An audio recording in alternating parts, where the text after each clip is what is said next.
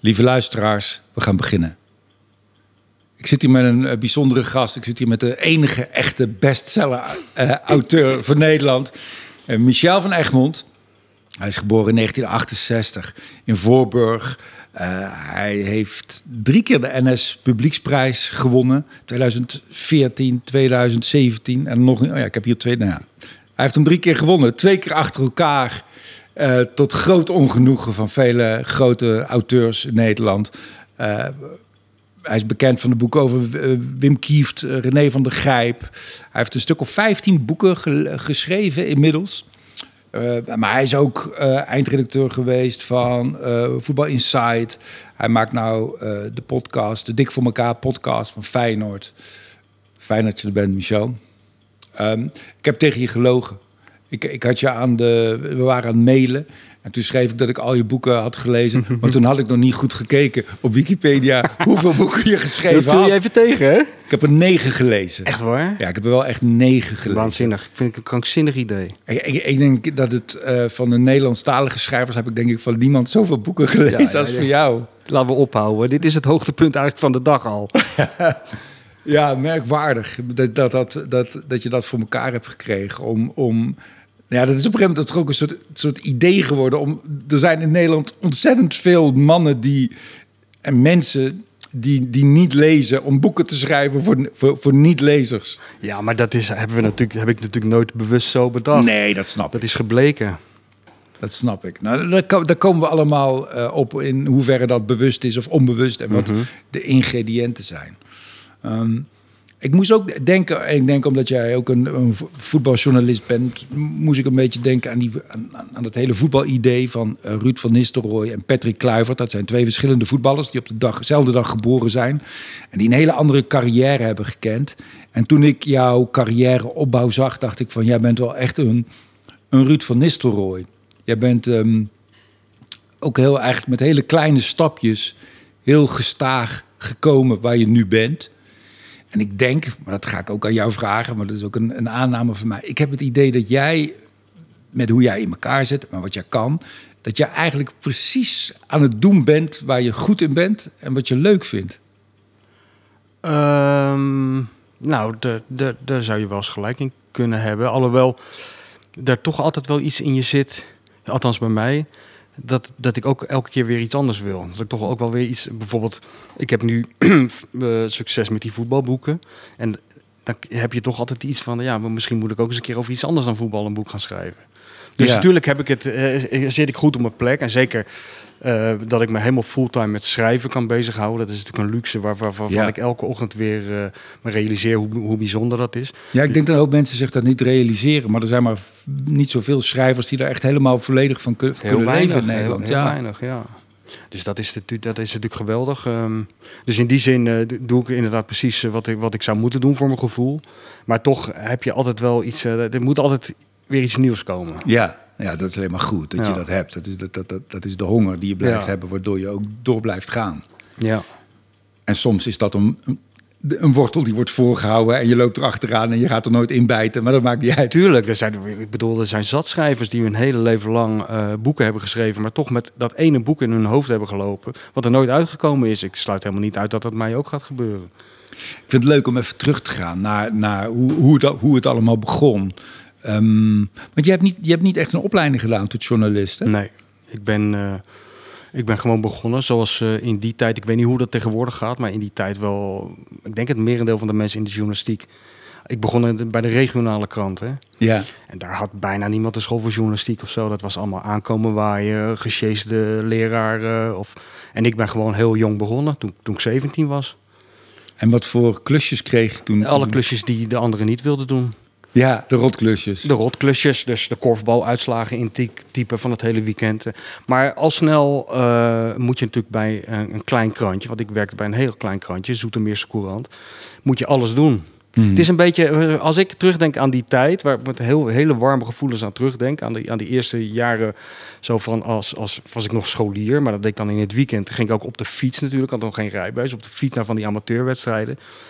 En die, als ik daar nu aan terugdenk, maar ik heb natuurlijk zelf ook een heel geromantiseerd beeld van mijn eigen verleden, dan denk ik heel erg aan die Ricky Gervais eh, die nu nu is. Afterlife. Ja, Ja. het is soms zo'n lullig krantje waar niets gebeurt. En Ja. dan moeten toch drie pagina's worden gevuld. En je zit met, met elkaar in zo'n hok. En het is allemaal heel klein en kleinschalig. Zo, zo, zo, dat gevoel heb ik er nu een beetje over hoe ik toen begonnen ben. En wat was je toen in die beginperiode? Want dan is er eigenlijk nog, denk ik, amper ruimte voor je eigen stem of je eigen stijl. nee, die is er nog helemaal niet. Wat je ben je dan? geen stijl. Ja, wat ben je dan aan het leren?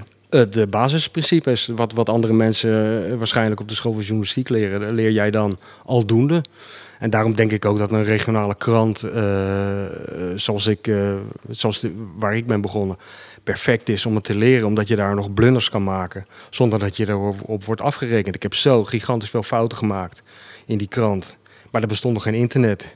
Dus alleen die paar abonnees die zagen het en die, ja, die boeide het verder ook niet zo. En je kon de volgende dag weer opnieuw beginnen. Ik kwam tegen dat het allereerste kop boven jouw stukje stond een spelfout in. Ja, je- dat was mijn proefverslag eigenlijk. Het, het was eigenlijk zo dat er een advertentie in de, in, in, in de krant stond. En eh, ik, ik, heb wel vanaf heel jong gezegd dat ik eh, voetbalverslaggever of journalist wilde worden. Maar op een hele, eigenlijk op een, denk ik, eerlijk gezegd, op een hele kinder, om, om een hele kinderlijke reden. Waarschijnlijk omdat ik graag naar het stadion wilde of zo. Ja. En dacht van, nou, dan kom je daar te zitten.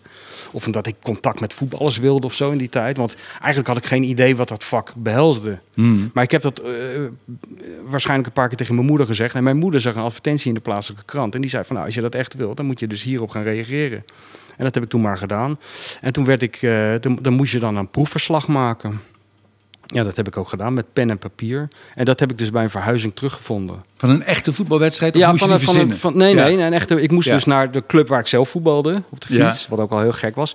En dan moest ik Onno Hansem ontmoeten, die is nu commentator bij Eurosport, maar die werkte toen ook, eh, die een paar jaar ouder dan ik, maar die werkte dan ook bij die krant. En die zei, ga maar aan de overkant zitten en ik lees het wel. Ja, ik, had, ik heb geen idee wat ik moest doen. Nee. Ook niet tijdens die wedstrijd. Of ik, ik denk ook niet dat ik aantekeningen of zo had gemaakt. Ik denk dat ik daar totaal blanco heen ben gegaan. En enorm heb zitten zwoegen op dat stukje. En als ik dat teruglees, dan lees je gewoon... lees ik dat iemand zit de krant te imiteren. Ik zit gewoon die zinnetjes te, te- na te schrijven... eh, die ik in de krant las. Van die, van die ANP-zinnetjes bijna, Ja. weet je wel. Nog net niet de bordjes werden verhangen... en na de thee en het Ja. monster... maar het scheelde verdomd weinig. Ja, En ja, goed. eh, En dat is dan het begin. En dan, eh, ja, dan ga je gewoon beginnen. En dan ga je fouten maken. En eh, stijl en een eigen stijl, dat komt pas veel jaren, jaren later.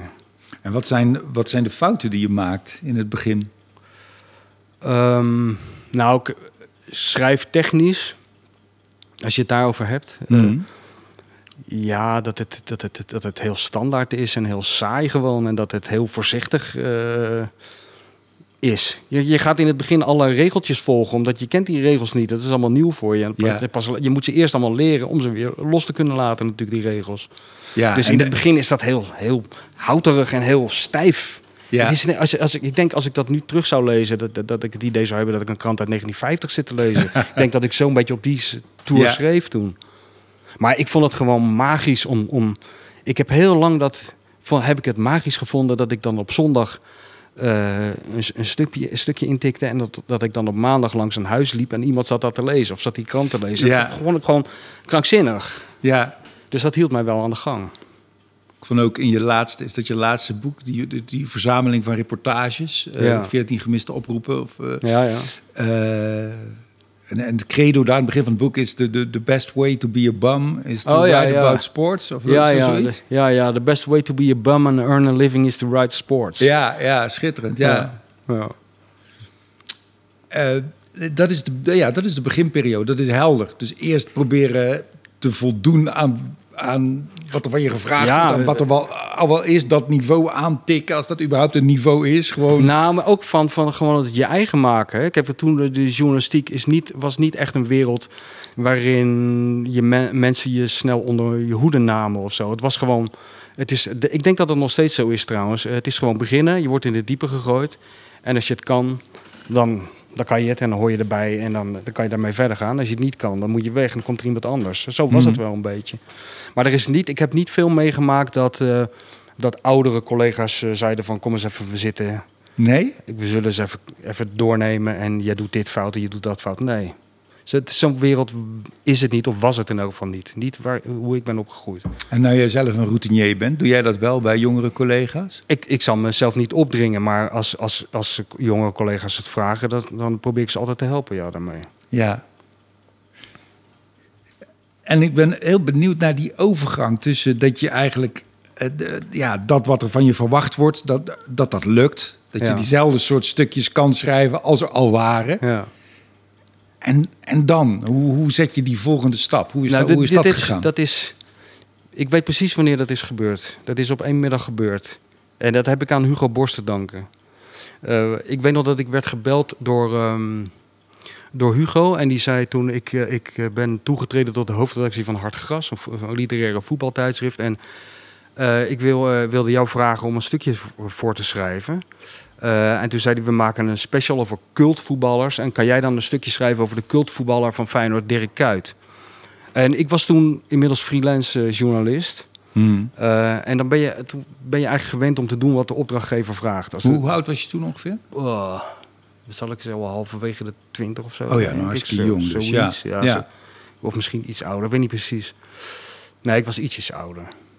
Maar, ehm, en, en toen, toen, toen, toen zei ik van, nou ja, ik zeg de echte cultheld bij Feyenoord is niet Dirk Kuyt. Eh Dirk Kuyt is een echte held, de cultheld is Jozef Kieprits en- Ja, en Chris ja. En zo.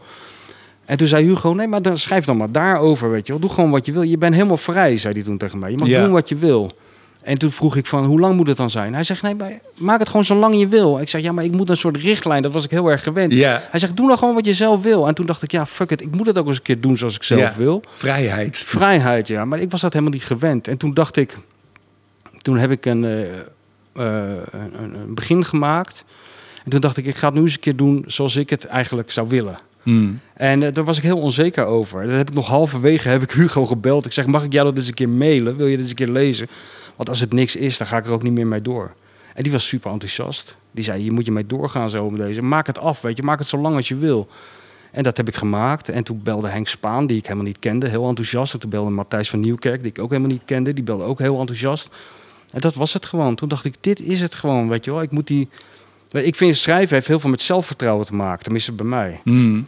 En ik had gewoon die, de, kennelijk achteraf gezien de, de, de, de, het duwtje of de goedkeuring van die mannen nodig. Ja. Om over die drempel te gaan en om het te doen zoals ik wilde. Zoals ik het zag.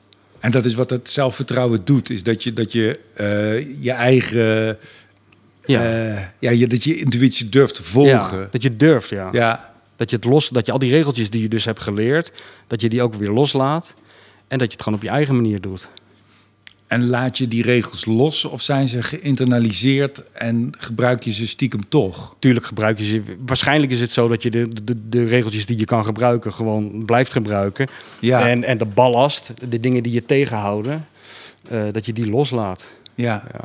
Maar het, was ook, het had ook bij mij te maken dat ik dat stukje wat ik toen schreef, was ook heel erg op de humor geschreven. Hmm. Ik wilde gewoon een grappig stukje schrijven. Omdat ik. ik, ik dat, dat was, vond ik het rare. Dat begon bij mij een beetje te wringen.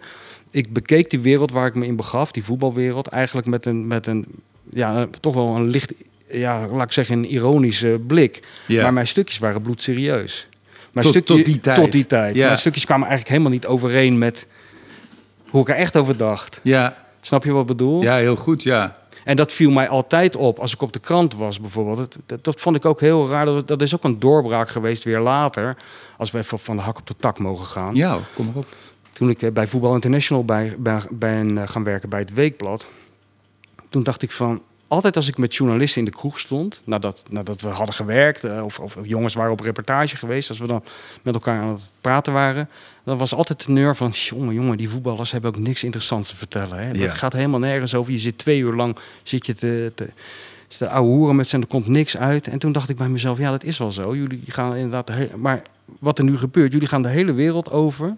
En je houdt, houdt allemaal een bandrecorder bij de mond van iemand van wie je zeker weet dat er niets interessants uitkomt. En dat ga je dan allemaal intikken. Ja, En toen dacht ik, waar- waarom doen we dat eigenlijk? Weet je wel? Waarom schrijven we niet op dat, dat het saai is als het saai is? ja. En, en ja, dat soort, dat soort momenten, die heb ik wel eh, gehad. En dat, die, die zijn wel heel eh, cruciaal voor mij geweest. Ja. ja, het is ook jezelf toestaan om jouw specifieke perspectief, om dat, om dat gewoon te laten Ja. Vloeien, om dat, om, dat, om dat op te schrijven. ja, dat is toch een beetje durf. Ja, ja durf en de, mo- en de mogelijkheid Ja. hebben. En de mogelijkheid krijgen, inderdaad. Ja. Ja. En daar heb ik natuurlijk ook ontzettend geluk mee gehad vaak.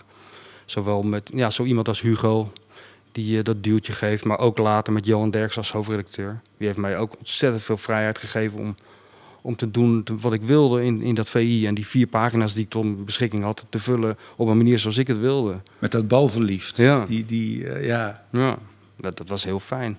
Daar moest ik wel voor vechten bij VI. Omdat VI was, was een blad wat eigenlijk alleen over succes schreef. En ik schreef eigenlijk heel graag over nederlagen. ja. En dat was wel even een... Daar moest ik wel even voor, eh, voor vechten bij Johan. Nou, dat is wel heel interessant. Want eh, als je jouw reportage en dat wat jij schrijft, zijn natuurlijk ook uiteindelijk, het zijn ook uiteraard zijn het verhalen. Ook. Het zijn, en, en in verhalen, wat interessant is in verhalen, zijn altijd de, de, de nederlagen en de Ja. obstakels. En dat, dat, dat is wat een verhaal interessant maakt. Ja. En eventueel hoe iemand dat overwint Ja. of niet. Dus jij hebt eigenlijk een soort, soort drama, eigenlijk een soort dramablik toe, toegevoegd aan die voetbaljournalistiek. Nou, nou, dat is een beetje te Nou ja, groot gezegd. Maar zeg persoonlijk, maar dat, heb jij, dat is in jouw persoonlijke ontwikkeling wel. Ja, heb je bij dat mij wel, ja. Ja. ja. En, en, en bij VI was het wel, eh, durf ik wel te zeggen, was het wel een soort cultuuromslag. Want ik weet nog wel dat ik in het begin moest ik dan bij Johan komen met elke maandag moest je dan naar Johan toe en dan eh pitch je eigenlijk wat je wilde gaan, welk verhaal je wilde gaan schrijven. En ik kwam dan vrij snel in het begin met allerlei hele obscure alternatieve verhalen. En in het begin zei Johan van, ja, donder eens op met die onzin. Ga dat maar voor hard gras doen. Wij zijn gewoon een blad, dat schrijven over topvoetbal. Dus ik moet gewoon verhalen hebben met Wesley Sneijder en Robin van Persie en Bert Ja. van Marwijk. En niet met die, met die gasten uit de tweede Bundesliga waar jij mij aan Ja, komt zetten ja. en zo. Dus dat, dat, toen dacht ik, eh, dat, dat duurde even voordat ik Johan overtuigd had. Dat daar, dat daar ook goede verhalen te vinden waren Mhm. in de tweede Bundesliga. En- En juist bij de mensen die geen succes hadden, dat daar goede verhalen in zaten. En die, in die ruimte heeft hij me op een gegeven moment vrij snel, toch wel vrij snel gegeven.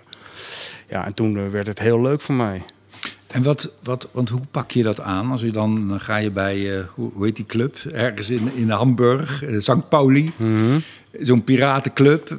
Hoe, hoe pak je dat dan aan als je daar een stuk over wil schrijven? Ga, ga je, heb je dan een plan? Ga je er, of ga je er gewoon je hebt altijd- blanco in? Ja, dan ga, je hebt natuurlijk een plan eh, wat je, waar, eh, voor het onderwerp waar je over wil schrijven. En daarna probeer ik zo blanco mogelijk in te gaan, ja. Dat wel. Dus, maar je, moet, je hebt wel altijd een soort aanleiding. Ja. En, die kan- wat kan die- dat bijvoorbeeld Ja. zijn?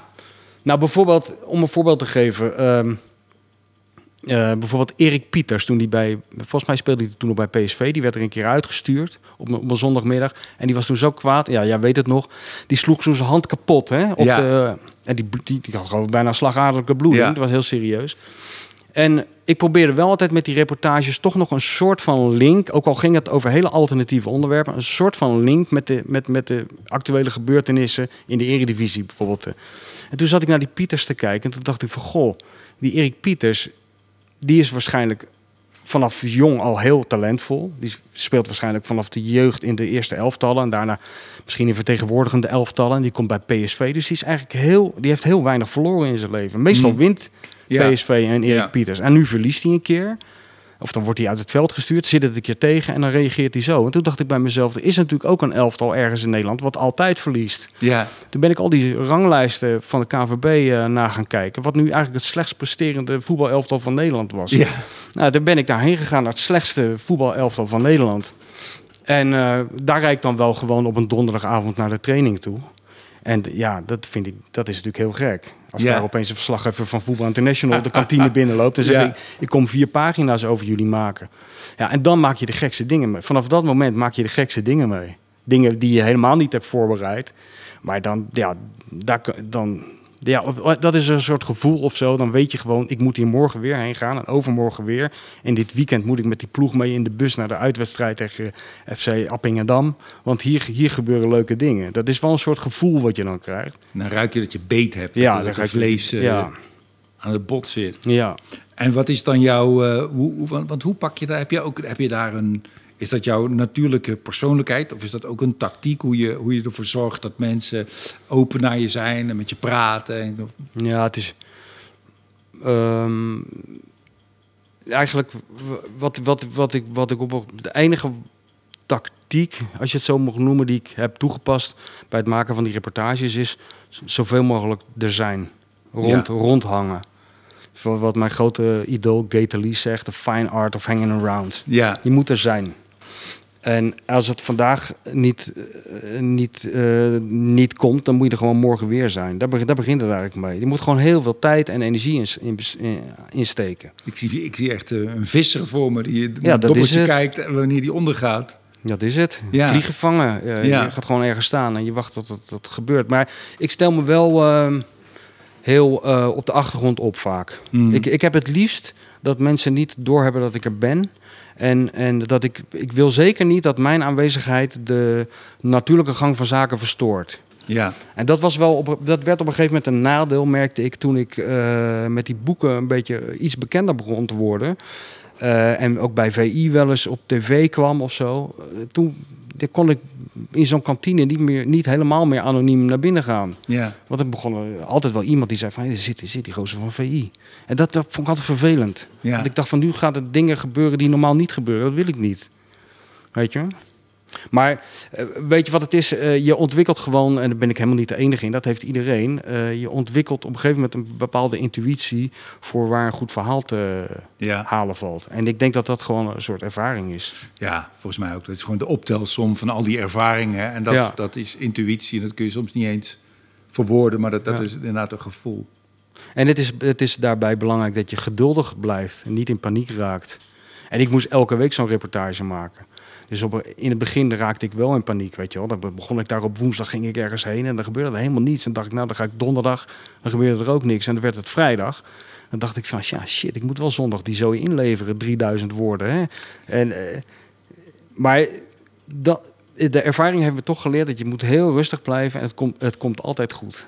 Er gebeurt altijd, is altijd, het is nog nooit gelukt dat, dat die vier pagina's niet gevuld werden. En kom je er dan soms ook op de vierde dag achter dat er zich op de eerste dag wel degelijk iets heeft Ja. afgespeeld. wat eigenlijk een goed verhaal Ja. was, maar wat je nog niet als zodanig hebt Ja. geregistreerd? Ja. Of je gaat ergens heen voor iets dat je denkt van nou misschien zit er iets in en je stuit op iets heel anders wat veel beter is. Ja. Dat heb je ook vaak. Maar da- da- dat is wel iets, van, daar moet je wel voor openstaan. De, Dus- de, de raarste documentaire die ik ooit heb gezien, dus terzijde, die heet Capturing the Freedmans. Heb je ooit gezien? Ja, ja. Dat gaat over iemand die een documentaire wil maken over een clown. En die blijkt op een gegeven moment in een soort pedonetwerk Ja. verzeild te raken. Die clown blijkt hem. Ja. Wist hij helemaal niet toen hij begon aan de. Ja. Ja. Ja, dat, kan, dat, dat kan ook. ja.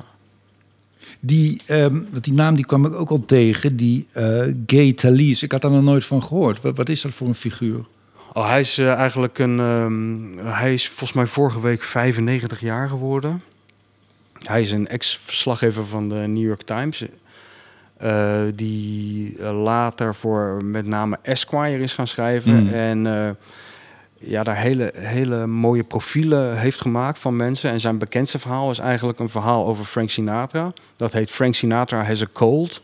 Dat is in 1966 verschenen in de Esquire. Dat is rond de jaarwisseling uitgeroepen door Esquire tot, tot de beste reportage die ze ooit gepubliceerd hebben. Wat he- heel wat wil zeggen, want we hebben echt hele grote namen voor de Amerikaanse Esquire geschreven.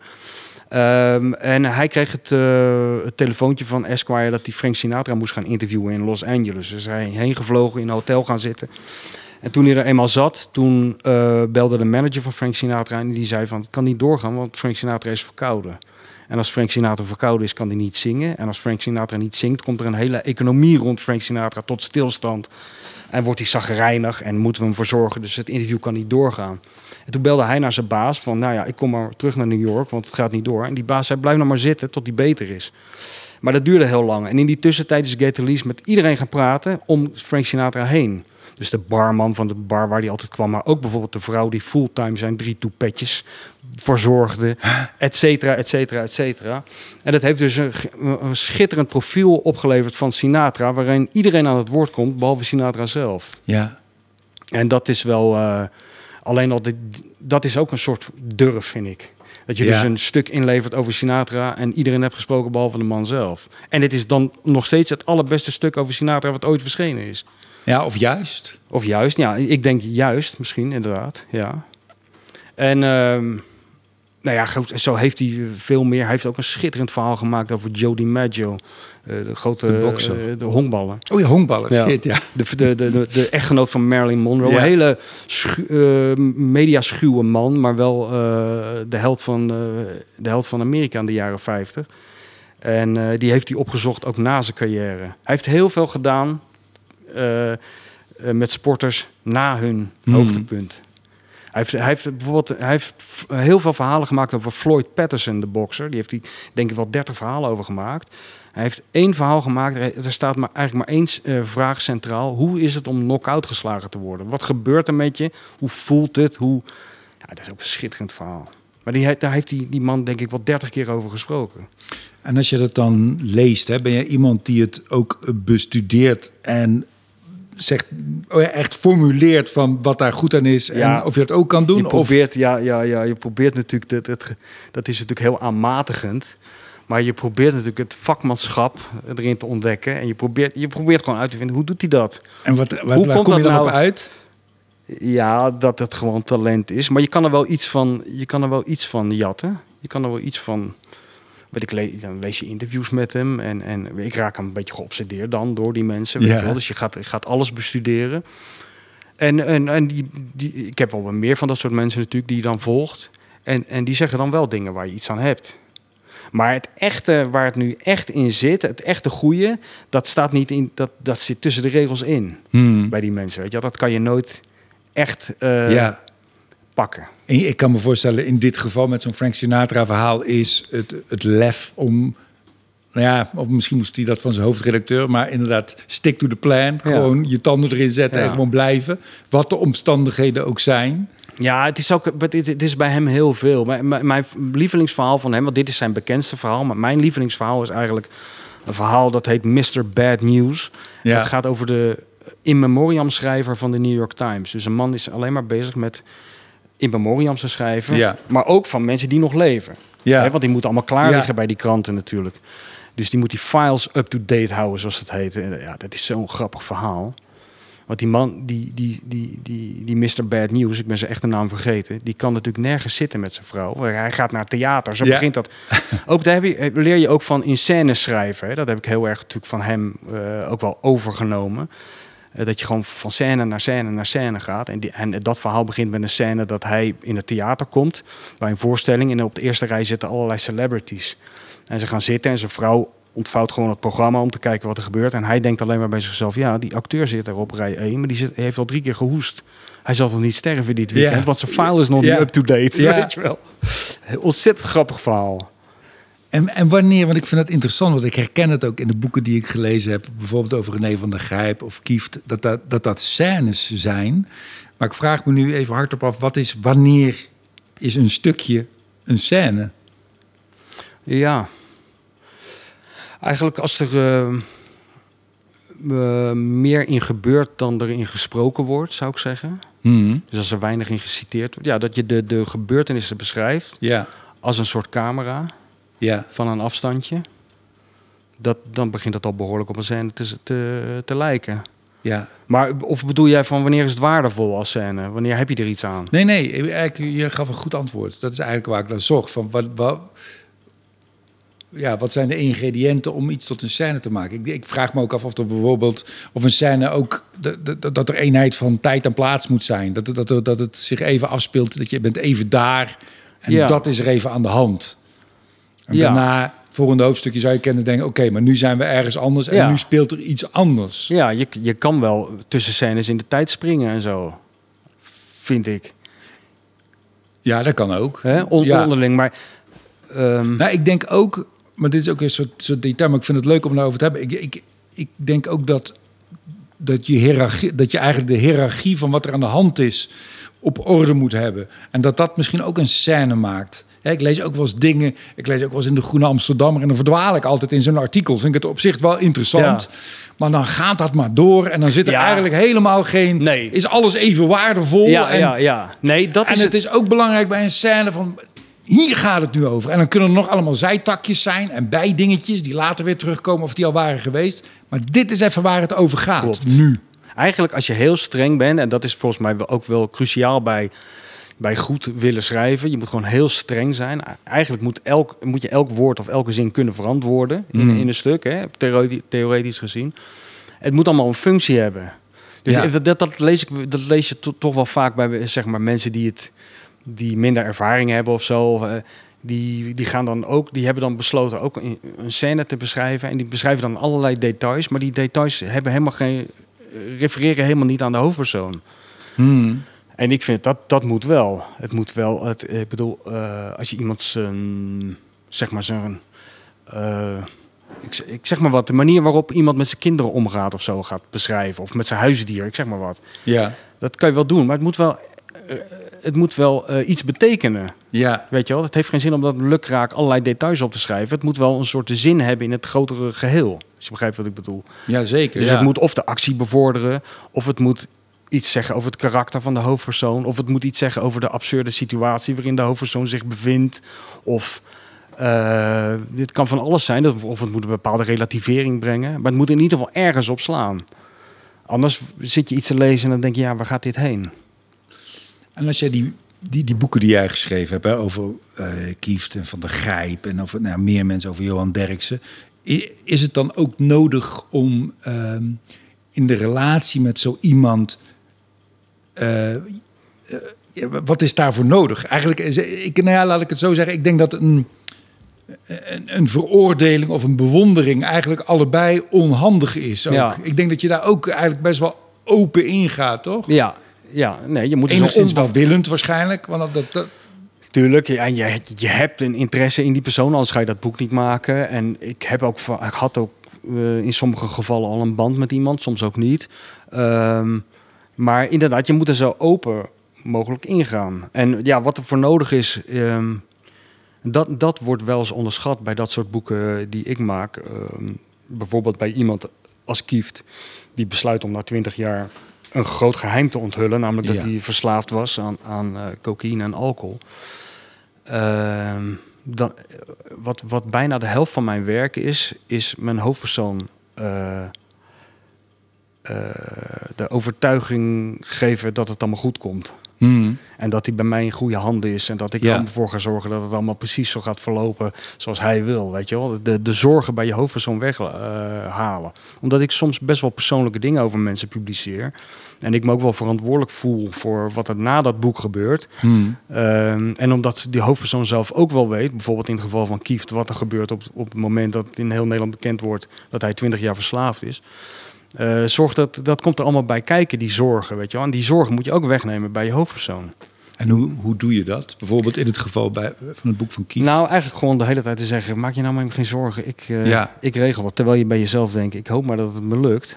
Ja, Ik hoop maar dat het lukt, want anders eh, weet je wel. Maar maar ja, je kan ook kiezen uiteindelijk. Je kan kiezen om dingen wel of niet te gebruiken waarvan je denkt dat zou hem wel kunnen beschadigen. En hoewel het misschien heel lekker is om te lezen, Ja. ga ik dat niet gebruiken. Tuurlijk, dat doe je altijd. Dat doe ik niet alleen bij boeken, dat doe je. Je schrijft nooit. Dat is een beetje een misverstand. Ik heb bij mijn boeken, weet je wel, dat soms spreek ik wel eens met mensen die, eh, die, die willen dat ik een boek over ze schrijven of zo. Of dat wordt- komt wel eens zo ter sprake. En dan zeggen ze altijd: ja, ik weet het niet, want bij jou moet je altijd alles vertellen. Bij jou moet altijd alles in dat boek. Zeg, dat is helemaal niet waar. Dat is helemaal niet zo. Want ik geloof niet dat er één boek is in de wereld waarin iemand alles vertelt. Hmm. Geloof ik gewoon niet. D- dat is het helemaal niet. Alleen, eh, eh, en ik heb ook heel vaak gewerkt met hoofdpersonen die van tevoren al zeiden dat ze niet alles gingen vertellen. Bijvoorbeeld Wim Kief zei tegen mij van, één ding, ik, ik, ga je alles vertellen, maar ik wil niet over mijn kinderen hebben. Want die, die heb ik al zoveel verdriet gedaan, die wil ik sparen. En dat vind ik prima. Toen zei ik tegen hem, ah, daar, daar ga ik over nadenken. Weet je. Eh, en toen dacht ik bij mezelf, ja, ik ga eigenlijk een boek schrijven over iemand die dat cocaïnegebruik helemaal in zijn eentje doet. In een eh, hotelkamer, helemaal geïsoleerd van de buitenwereld. En het ging juist eigenlijk over een man die helemaal niks met zijn... Zijn kinderen speelden eigenlijk alleen nog op de achtergrond een rol in zijn Hmm. slechte periode. Dus ik dacht, die kinderen zijn helemaal niet cruciaal. Nee. En dan kan ik er wel mee leven. ja. En dan zei ik van, ik vind alleen wel dat we desnoods, al is het maar in één zin, in het boek moeten zetten. Dat jij niet over je kinderen wil hebben, want anders vraagt de lezer zich dat af. En daarna kunnen we gewoon door met het boek. Maar als hij had, tegen mij had gezegd van, nou die cocaïne, dat mag er wel in, maar die alcohol niet, dan had ik het niet gedaan. Nee, want dat is wel cruciaal. dat is wel cruciaal. Ik vind het een heel wonderlijk voorbeeld. En ik denk dat het zowel met jou te maken heeft als met de persoon Wim Kieft, die zich heel kwetsbaar opstelt. En dat hij door dat hele boek en dat iedereen dat weet, in mijn ogen geen enkele schade heeft opgelopen. Dat er niemand is die denkt, wat een egocentrische lul, dat hij, ondanks het feit dat hij vader is, dat allemaal... Ja. Het is wel een heel mooi voorbeeld van dat die, die kwetsbaarheid en die openheid je eigenlijk alleen maar helpt en niet beschadigt. Ja. Maar dan Zelfs moet je, helend werkt misschien een beetje. Ja, dat denk ik ook. Maar dan moet je het ook doen zoals hij het heeft gedaan. Helemaal. Ja, Dan kan je dus niet 75% doen. Dan werkt dat niet. nee. Maar mensen zien gewoon, lezen gewoon, dat hij zich helemaal heeft binnenste buiten gekeerd. En dat hij ook, voordat mensen over Wim kunnen zeggen... wat een lul ben jij, wat heb je allemaal gedaan... heeft hij het zelf al gezegd. Dat scheelt natuurlijk ook. Ja, Hij zegt in dat boek... Kijk, als hij in dat boek in het begin had... als hij iedereen de schuld had gegeven... zijn jeugd en zijn, en zijn trainers en zijn weet ik van wat... Dan was, het, dan was er een stuk minder sympathiek op gereageerd, denk ik. Maar hij had zoveel zelfkritiek. Hij gaf niemand anders de schuld behalve nee. zichzelf. Nee. Dus dat scheelde. En dat heeft, heeft hem inderdaad goed gedaan op allerlei gebieden. Hey, dat is een super interessante fase. Je hebt eh, best wel helder uitgelegd van hoe dat gaat. Eh, De kunst van eh, het ro- rondhangen. Proberen de situatie niet te, te, te, in- te beïnvloeden, maar te beschouwen en te beschrijven. Ehm, je maakt vrij weinig aantekeningen ook, kwam, Ja. kwam ik tegen. Juist om niet dat Ja. bewustzijn te creëren van... Ja. oh, we zijn hier een boek aan het maken. En dan? Dat, dan heb je dat materiaal. Ja. Dan begint Of ga- ellende- ga je tussentijds waarschijnlijk ook al veel schrijven? Wat je, Nee, dat neem je elke. Ik ben heel ongedisciplineerd erin. Eigenlijk verloopt het altijd allemaal met horten en stoten. Ik heb ook altijd het idee dat ik heel veel energie erin steek, wat, wat loze energie is. Ik zou willen dat ik het, dat ik het veel ge- gestroomlijnder, efficiënter. ja, efficiënter zou doen. En dat is dus niet zo. Daar heb ik me inmiddels wel bij neergelegd dat het bij mij altijd op dezelfde best wel bewerkelijke manier gaat. ja, dat is Ja. gewoon heel irritant van mezelf, maar zo gaat het nou eenmaal. Ben ik, leg ik me dan maar bij neer, weet je wel. Dus ik krijg, eerst, ik krijg altijd eerst een soort euforische fase. Het idee. Denk, ja, Ja. dit is het man. Dit is het. Dat Ja. niemand eerder daarop is gekomen. Dit is het helemaal. En dan kan ik bijna niet wachten. En dan meestal twee weken later denk ik, nou nee, ja, dan begin ik allerlei nadelen ervan te zien. En denk ik, nou toch maar beginnen. En dan ga ik allerlei materiaal verzamelen. En dan heb ik op een gegeven moment zoveel dat het me totaal boven het hoofd groeit. En zit dat in je hoofd of is dat al opgeschreven? ook, ook wel op papier, maar Ja. allemaal een beetje halfzacht. Weet je wel, hier een, een, een aantekening op een bierveeltje en daar een papiertje. En heel, heel ongeorganiseerd. Erg ik me ook altijd aan mezelf, weet je wel. Dan denk ik van, hoe moeilijk moet het zijn om al je aantekeningen in één blokje te schrijven. Dat je het altijd bij de hand hebt, maar dat lukt Ja. mij niet. Dus heel chaotisch. Dan ga ik op een gegeven moment echt een hekel aan dat boek krijgen. Dan denk ik echt van, waar, ben ik mee bezig? En dan breekt het moment aan dat het echt het zweet me uitbreekt. En dan denk ik, ja, ik moet gewoon nu beginnen. En dan denk ik, fuck it. Ik weet nog heel goed dat bij, bij het eerste geiboek was dat zo. De deadline naderde. Ik denk, ik krijg dit nooit af. Dit lukt mij niet. En ik dacht, ik moet gewoon beginnen. Toen heb ik gewoon uit een soort kwaadheid die computer gepakt. Ik kan me nog heel goed herinneren dat moment. Ik dacht, fuck it, ik ga gewoon beginnen met dat kutboek. Ik moet er zo snel mogelijk vanaf, weet je wel zo. En ik heb gewoon, ik, ik dacht, ik, ik typ het allereerste eh, te binnen, eh, wat, eh, typ, typ ik in wat me te binnen schiet. Een scènetje met René. Weet je nog wat die Nee, eerste ik, weet, ik weet niet meer wat. Oh, oké. En dat heb ik ingetypt. En dat riep een tweede scène op eigenlijk. En toen dacht ik, oh, er zit een soort verband in. En dat beschreef ik. En voordat ik het wist, had ik 2000 woorden. En toen was ik aan het boek begonnen. En zo, zo gaat het dan vaak. En dat, ja, dat is met, eh met Derkse, dat Derkse boek ook zo gegaan. Er is dan een fase dat het eventjes heel goed gaat met schrijven. En dan stokt het weer even en dan komt het weer. Beetje zo'n- manisch-depressief proces klinkt het. Ja. Ja. Nou, dit het is wel een. ehm, ehm, ja, wat, wat, hoe moet je dat nou zeggen? Het- Worsteling, nou, worsteling niet, nee. nee. Maar wel iets, kruistocht. Nee. een puzzel is het gewoon. Ja, En puzzel. Die, die de hele dag in je hoofd zeurt. Ja. Dat, dat is wel, eh, weet je wel, je bent er toch wel altijd wel bewust of onbewust mee bezig. En een, en een puzzel waarvan, je, waar, waarvan de deksel ook ontbreekt. Je weet ook niet helemaal hoe het... Nee, je en bent ook, niet alleen op zoek naar de stukjes, maar ook naar het plaatje van Ja, hoe de puzzel eruit moet precies. zien. Ja. En heel vaak ver- ver- verandert het plaatje ook. Hè? Be- tijdens, dat is natuurlijk wel een nadeel van wat ik doe. In bijvoorbeeld vergelijking met iemand die een, een, een, een, een non-fictieboek over iets uit de geschiedenis schrijft. Dat heeft een begin, een midden en een eind. En dat moet je dan gaan beschrijven. Maar ik zit vaak in een soort proces. Ja. Dus ik ben met René van der Gijp bezig met een boek. En daar heb ik een soort van lijn bedacht. En halverwege het boek eh, eh, eh, sterft de moeder van zijn kind. Ja, En slaan we een heel ander pad in en wordt het een heel ander boek. ja. En dat, dat maakt het ook vrij onrustig natuurlijk. Als je, dat kan je misschien voorstellen, weet je wel. Je bent ergens mee bezig en opeens gebeurt er iets heel ingrijpends. Dan moet, het, moet je eigenlijk gewoon alles vergeten waar je mee bezig was en opnieuw beginnen. ja. Maar ook wel weer leuk. Ja, want bij het eerste boek bij, van, van Grijp was eigenlijk ook een soort crisissituatie, Ja. toch? Toen kwam hij ook uit een soort Ja, dat begon, dat begon allemaal... Nee, ja, we begonnen gewoon heel vrolijk. Ik, ik maakte een column met René elke week voor Voetbal International. Ja, uitsmijtend. Ja, gingen we altijd eh, gingen we eten. En in principe hoefde ik maar eh, twintig minuutjes met René te praten om die column te vullen. Maar al heel snel zaten we gewoon drie uur lang eh, te praten. En, en dan lag ik soms op de grond van, eh, van, van het lachen. En toen dacht ik, ja, er zit gewoon een boek in die jongen. Eh, en toen zijn we eraan begonnen. Gewoon, ja, eh, praten en praten en met hem meegaan. En ja, toen kreeg hij een burn-out omdat die, die populariteit die, die was een beetje te groot geworden. Dat, hij ging een beetje te onder aan het verwachtingspatroon. Dus ik kreeg die burn-out. en hij kwam er ook weer bovenop. En ja, toen had ik een soort heel natuurlijke spanningsboog eh, in de schoot geworpen gekregen. Want ik had vanaf het begin eigenlijk meegemaakt die, zijn tv-carrière dan eh, als voetbalanalist. Dus ik maakte mee zijn opgang, zijn populariteit. Ik maakte mee, ik was denk ik de eerste die die belde eh, toen die eraan onderdoor ging. En ik maakte mee zijn herreizenis. The rise, the fall en Ja, the rise is een bijna of, of de de bijbelse. Ja. iets, weet je wel. Dus dan heb je een spanningsboog te pakken. Heb je nou, als je zo lang met zo'n figuur optrekt, hè, bijvoorbeeld bij Van der Grijp, leer je dan ook iets van zo'n persoon? Tuurlijk. Tuurlijk. Je neemt ook dingen over. Met, eh, met name bij het boek van Wim Kieft vond ik dat... Ik, ik- als, als Wim... Ik, ik ging elke week of twee keer per week reek naar het College Hotel in Amsterdam. En dan ging ik eh, met Wim praten. Eh, als hij na drie keer had gezegd van... joh, ik zie dat boek toch niet meer zitten... maar als je het verhaaltje af wil horen... en je wil elke week naar Amsterdam komen... eh, dan was ik gegaan. Ja? Ja, ik vond het echt heel, heel, heel boeiend, ja. Ook omdat hij, hij is een intelligente jongen. Hmm. Hij was al heel lang in therapie, dus hij had zichzelf al heel grondig geanalyseerd. Hij is heel zelfkritisch, zei ik net al. Dus hij was keihard voor zichzelf in zijn analyse. Dus hij kon daar op een hele goede, heldere manier over praten. En dat fascineerde mij mateloos. Ja. Dus ik heb er zeker, zeker eh, leer je daar dingen van. Als je het dan hebt opgeschreven, hè, na dat fuck, fuck moment, ik Ja, ga het ja. gewoon opschrijven. Heb jij, heb jij dan, is het dan klaar? Heb jij verschillende versies? Heb je iemand die jou helpt met details? Nee, nee ik heb wel eh, mijn vriendin Antoinette schrijft ook. Dus dat is een goede graadmeter voor mij. Die, die stuurt natuurlijk af en toe wel eens wat. Ja.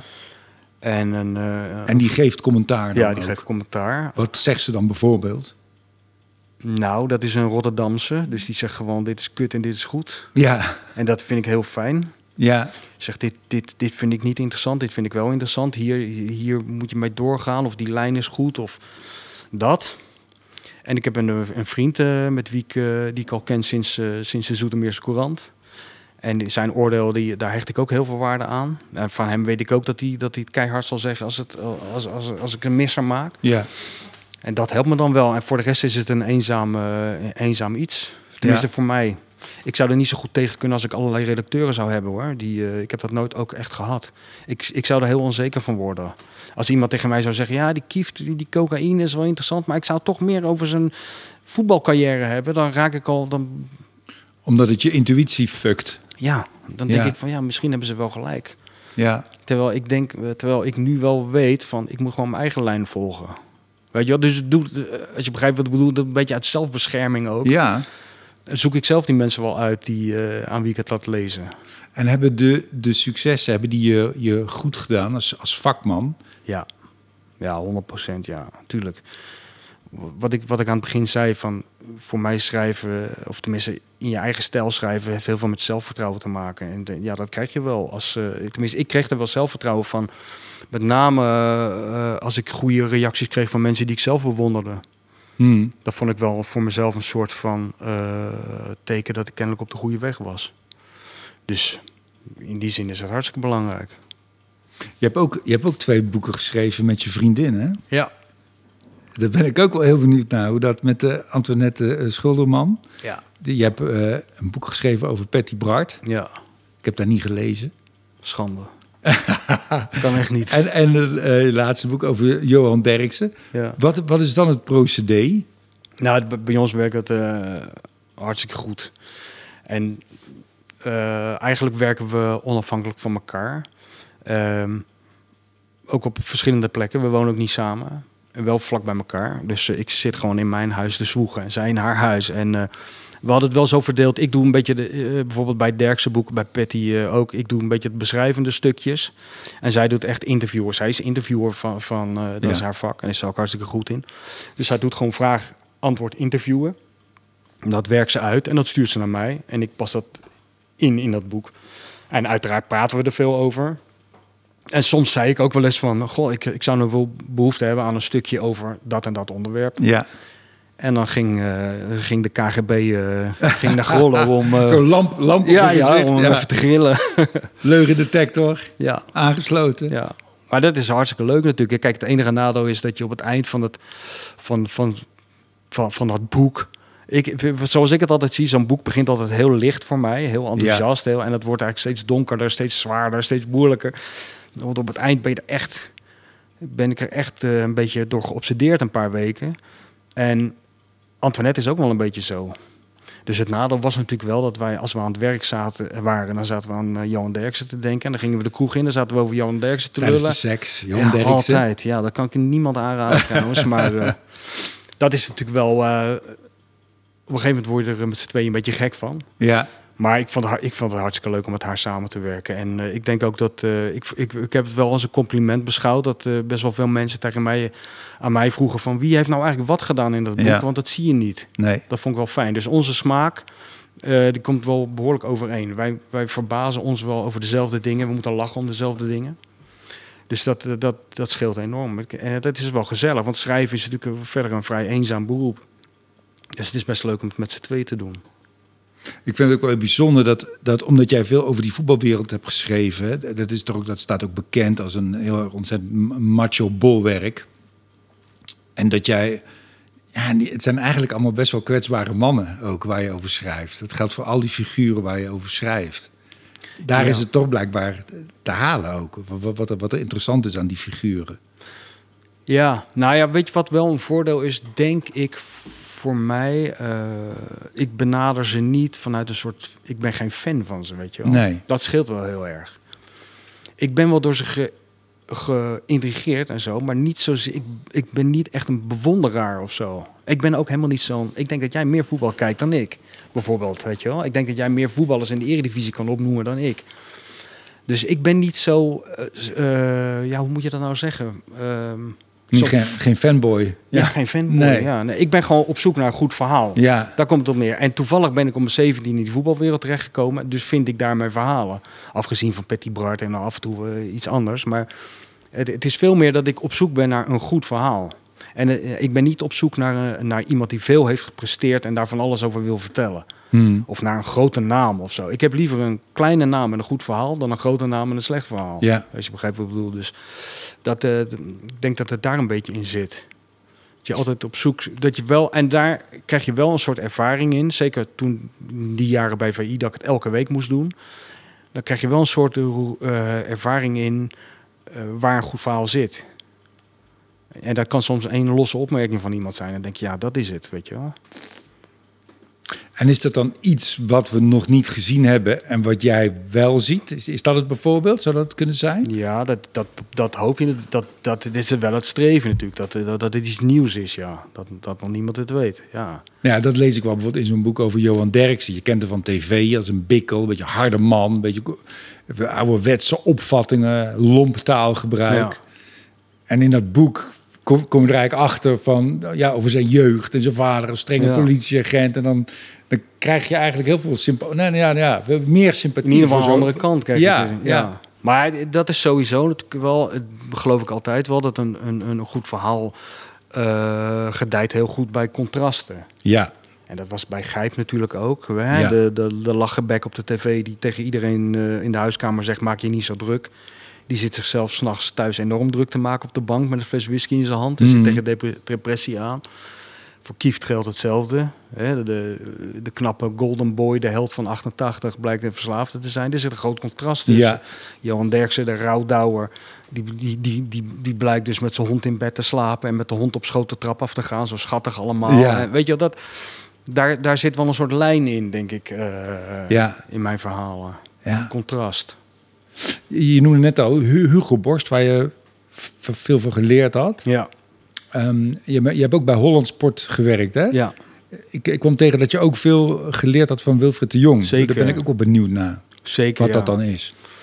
Eh, oh, ja, voor Wilfried heel veel dingen, maar ehm, eh, eigenwijs zijn, eigenwijze keuzes maken en, en oog voor detail, de- dat het detail belangrijk is. Hmm.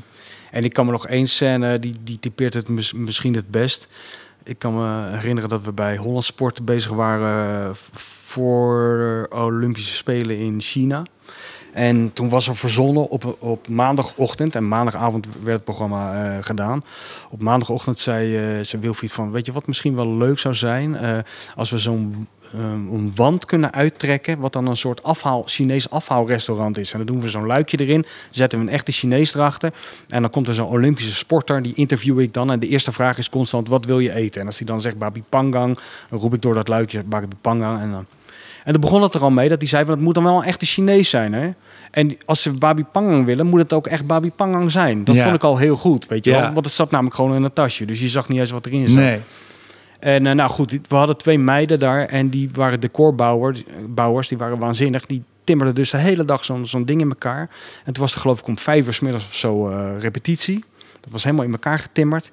En Wilfried ging het doen en ehm, ik moest even kijken en het was klaar. En toen zei Wilfried, wat vond je ervan? Ik zei, nou, voor mij kan het wel werken. Toen zei Wilfried, ja, ja, dat is waar. Hij zegt, alleen één ding wil ik nog even over dat luikje. Hij zegt, dat luikje dat gaat zo dicht, hè, van links naar rechts.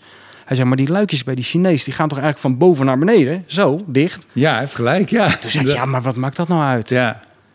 En dat was eigenlijk wel heel cruciaal. Toen zei hij van, ja, dat maakt wel uit. Hij Ja. zegt, ah, vind ik het lekkerder om het zo dicht te gooien in plaats Ja. van zo. Dat is gewoon, ziet er Expressiever, agressiever. expressiever, ja. agressiever, ziet er beter uit. En bovendien, het hoort gewoon zo. Dus ga jij even tegen die meiden zeggen dat ze het overnieuw moeten doen, opnieuw moeten doen. En toen dacht ik van, ja, die, die meiden die schelden, mij, eh, die schelden mij de tent uit. Want die zijn de hele dag bezig geweest. En, en toen zei ik tegen ze van, ja, Wilfried, eh, heel voorzichtig, zei ik, ja, we denken dat het misschien toch beter is. eh. Ja, verdomd, zeiden ze. Daar heeft hij gelijk in. We gaan het gelijk opnieuw doen. Ja. En dat vond ik heel leerzaam. Ja. Toen dacht ik van ja, iedereen ziet hier dus in dat het. Kijk, niemand zet de tv uit omdat het luikje verkeerd dicht gaat. Maar het is 0,001% die bijdraagt aan, eh, aan een goed item. Ja, en ik denk bij alles wat, wat alle makers doen, of je nou een film maakt of een cabaretprogramma of een boek schrijft, het is ook een verleidingskunst. Je probeert mensen te verleiden om in jouw verhaal, om in jouw trip te geraken. Ja. En dat zo'n luikje de andere kant open gaat, kan maken dat je uit die trip, dat je uit die Ja, hypnose komt. Dat je denkt, hè, maar die luikjes gaan toch zo open? En je wil niet dat men- Nee. mensen dat denken. Ja, Je wil dat mensen meegaan in die illusie. Ik snap, ik snap dat helemaal. Ja, ja, ja, Dat is een mooie. ja. En dat dit, ja. En ik heb dat wel vaker eh, gehad en ik, hou- ik hou daar heel erg van. Ehm, ik ben wel eens, ik schreef vroeger voor Rails. Ik weet niet of je dat nog weet. Dat blad ja, het was, ik vond het het mooiste blad van ja, Nederland. dat was altijd. schitterend. Ja. Ja, daarom werd dat dat Iedereen, uit die trein. iedereen kon lekker tekeer gaan ook. Die hadden heel weinig met goede foto's en goede artikelen. Ja. En ik weet nog dat, eh, dat er toen een themanummer was. Het ging over heilige plaatsen. En er werden er, geloof ik, tien verslaggevers en tien fotografen de wereld over gestuurd naar heilige plaatsen. Maar die gingen niet naar Mekka of naar Jeruzalem. Maar eentje ging bijvoorbeeld naar het schoolplein waar John Lennon Paul McCartney voor het eerst ontmoette. Eh, ik moest naar Hamburg, waar Van Basten 2-1 tegen Duitsland scoorde. Iemand moest naar de kade waar de Titanic vandaan vertrokken was. Maar ook moest iemand naar Los Angeles, naar het toilet... waar George Michael met de broek op zijn knieën was... was eh, Ja. en die fotograaf heeft een foto gemaakt van die toiletpot. Ja. En is terug naar Nederland gevlogen. Ja, dat had je net zo goed hier in Toemler kunnen doen, zou Ja. je zeggen. ja. Toch geloof ik erin dat het echt die toiletpot moet zijn. Dat Ja. je dat voelt, dat je dat merkt, dat, er, dat je op een gegeven moment dat er iets meekomt met die foto. Dat, eh, dat ervoor zorgt dat het iets extra's krijgt. Dus ik ben ook naar Hamburg gegaan met die fotograaf. En ik heb me er zelf naar binnen geluld in dat stadion waar Van Basten die 2-1 scoorde. Ik heb staan passen en meten waar de plek precies was op het veld. En toen heeft de fotograaf, die had een gouden lijst meegenomen. Die heeft gewoon die lijst op dat gras gelegd. En die heeft van boven een foto gemaakt. Dus je ziet een stuk gras met een lijst eromheen. Ja. Ja, we net zo goed bij jou in Eindhoven in de achtertuin kunnen doen. Ja. Maar toch geloof ik erin dat het zin heeft om daarheen te gaan... en daar al die moeite te doen en die foto te maken. Ja. Dus daar geloof ik wel in. En, en dat trek ik ook wel door in mijn boeken. Ik vind, vind van heel veel dingen waar ik, eh, scènes waar ik bij ben geweest, in de, die ik beschrijf in mijn boeken, zou je kunnen zeggen als je een beetje lui bent, van ja, daar had je niet bij hoeven zijn. Je had ook Mm. even kunnen bellen. Maar ik geloof dus dat je er wel bij moet zijn. Ik, ik, ik, je moet er gewoon fysiek zijn. En dan, want dan zie je net, je ziet net iets meer. Of er valt je net een detail op wat je door de telefoon, of als iemand het navertelt, wat je niet was opgevallen. En daar zit volgens mij de kracht van die verhalen in. Ik kreeg gisteren bijna ruzie met een eh, dame ergens. Ik was ergens voor, de, weet ik voor, voor een interview. En toen moest ik een beetje lachen, want dat zie je heel vaak bij. oh, Dan krijg je een van de productiemedewerker en dan staat dan op. En ik kan er niks aan doen, maar vaak zijn het dan eh, vrouwen. En dan staat dan op eh, bereikbaar op maandag, dinsdag en vrijdag. Ja. Dan denk ik altijd, maar hoe kun je, Zit je ooit rest- iets maken van je werkzame leven als je maandag, Ja. dinsdag en Ja. vrijdag beschikbaar bent? Dat heeft ook met toewijding te maken, toch? Je moet toch, ja, je do or do not. Weet je wel, La- la- Ja. laat zitten dan, joh. Of, je doet het, eh, nou ja, goed. En in dit geval, er kunnen allerlei omstandigheden zijn met kinderen. Maar het zal allemaal wel. Ja. Maar, eh, Nee, daar begint het mee inderdaad. Wat toch? jij- Ja. tuurlijk. Dat is het. En daar, daar, daar wordt al een hele grote... eh, daar wordt al heel snel het kaf van het koren gescheiden, denk ik. In Ja. de mensen die bereid zijn om, dat, om net een stapje verder te gaan. ja, en, en het, in de ideale situatie vind je dat ook leuk om te doen. Ja. Is dat ook geen... eh, Opgave. Nee. Ja, oh, en, en, en een voorwaarde ook gewoon, denk ik. Ik bedoel, Ja. ja. Kijk, dit, ik bedoel, ontelbaar zijn de dagen dat ik bij mezelf dacht... ik wou dat ik hier gewoon lekker achter mijn bureau kon blijven zitten... en het hier allemaal kon verzinnen. Ja. Maar ik kan dat niet. Nee. Dus ik zal wel moeten ook. Weet Ja. wel? ja, ik moet er gewoon heen. En, en het valt bijna nooit tegen.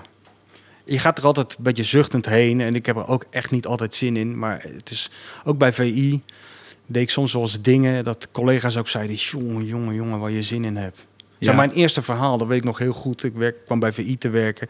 En het is een, was een soort, ook typisch Johan Derksen, was een soort, soort gimmick, was het niet. Een soort eh, lakmoesproef bij eh, oudere verslaggevers die voor het eerst daar werkten. Die mo- moest je dan voor het eerst voorstellen wat je wilde gaan doen. En als je dan eh, zei van, nou, ik zou dit weekend wel eens naar AC Milan, Inter Milan willen. Dan zei Johan van, nou, ga jij maar naar Spakenburg tegen VV Huizen, weet je. Ja. En dan kijken hoe je reageert. Dus dat deed hij bij mij ook. Dus ik zat daar de eerste dag op de redactie. Toen kwam hij naar me toe. Ik was ook nog adjunct hoofdredacteur. Dus waarschijnlijk dacht Johan, die moeten we even klein houden. Anders gaat hij, eh, gaat er echt in geloven. Dus hij zei tegen mij, hey, ik heb wel een verhaal voor jou. Ik zei, ja. Hij zegt, ja, die gekke Hans Kraai junior, die is trainer in de Betuwe bij een of ander kutclubje. Eh, ga daar maar heen. En al die collega's zag ik om me heen kijken van, oh ja, die van Egmond is ook de sigaar, weet je wel. Ik zeg, dit is goed, Johan. Ik zeg, maar mag ik dan ook een hotel nemen daar? Want dan blijf ik er gelijk een week. nou, nou, nou, zegt hij niet zo overdrijven. Ik zeg, ja, nee, maar serieus, dat doe ik het liefst. En ik ben er ook elke dag geweest daar in, eh, Ja. en dat, dat, was, dat was gewoon schitterend wat je er allemaal meemaakt. Ik ging gewoon in die kroeg zitten.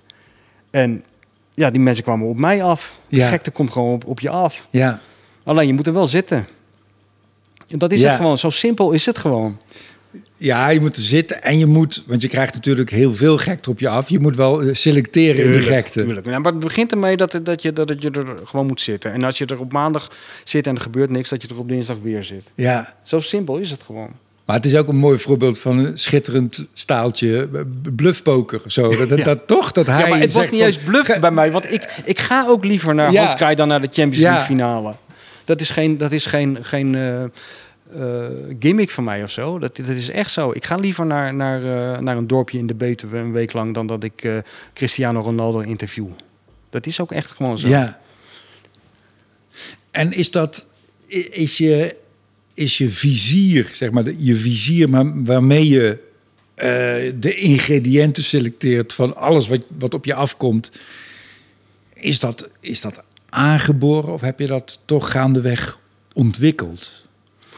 Ehm, ik denk wel dat het dat een beetje van allebei is. Ik denk wel dat het een beetje komt. eh, ik, ik ben wel eh, opgevoed met met name een vader die, de, die altijd ook wel oog had voor de eigenaardigheden van mensen om ons heen. Weet Mm. je wel, valt hem snel iets op. Een accent of een raar loopje of een, een, een, eigenaardigheid van iemand. Dus ik denk, terug, terugdenkend ben ik daar denk ik wel door beïnvloed. We altijd wel oog gehad voor ah, de verlossing. Zat je er tegenaan tekenen? Nee, helemaal niet, helemaal niet. Maar vertel door. nou ja, dus ik denk voor, voor, een, voor een deel eh, je opvoeding, een Ja. beetje. En voor een deel ontwikkel je het ook. Ja. Eh, eh, voor een deel is het ook ervaring dan, weet je wel. Dan weet je gewoon van, ja, ja zo'n opmerking die iemand nu maakt, die kan ik goed gebruiken. Ja, Hè? Of eh, iets gebeurt, er gebeurt iets geks. En dat, dat- daar krijg je wel een soort handigheid in. Denk ik, nou, dat moet ik even onthouden. Daar kan ik iets mee. het is ook lekkerder wachten als je het vertrouwen hebt dat er wat komt ook, toch? Ja, Ja. maar dat heeft wel heel lang geduurd hoor. Jaren voordat ik dat had. Ja. Dankjewel, Michel. Want ik vond het gek om Graag je te gedaan. praten. Snel man, ik heb het idee dat we tien minuten bezig waren. Nou, ik had hem ook wat korter Ja, gezet. Ik denk dat kan, dat kan nooit wat worden.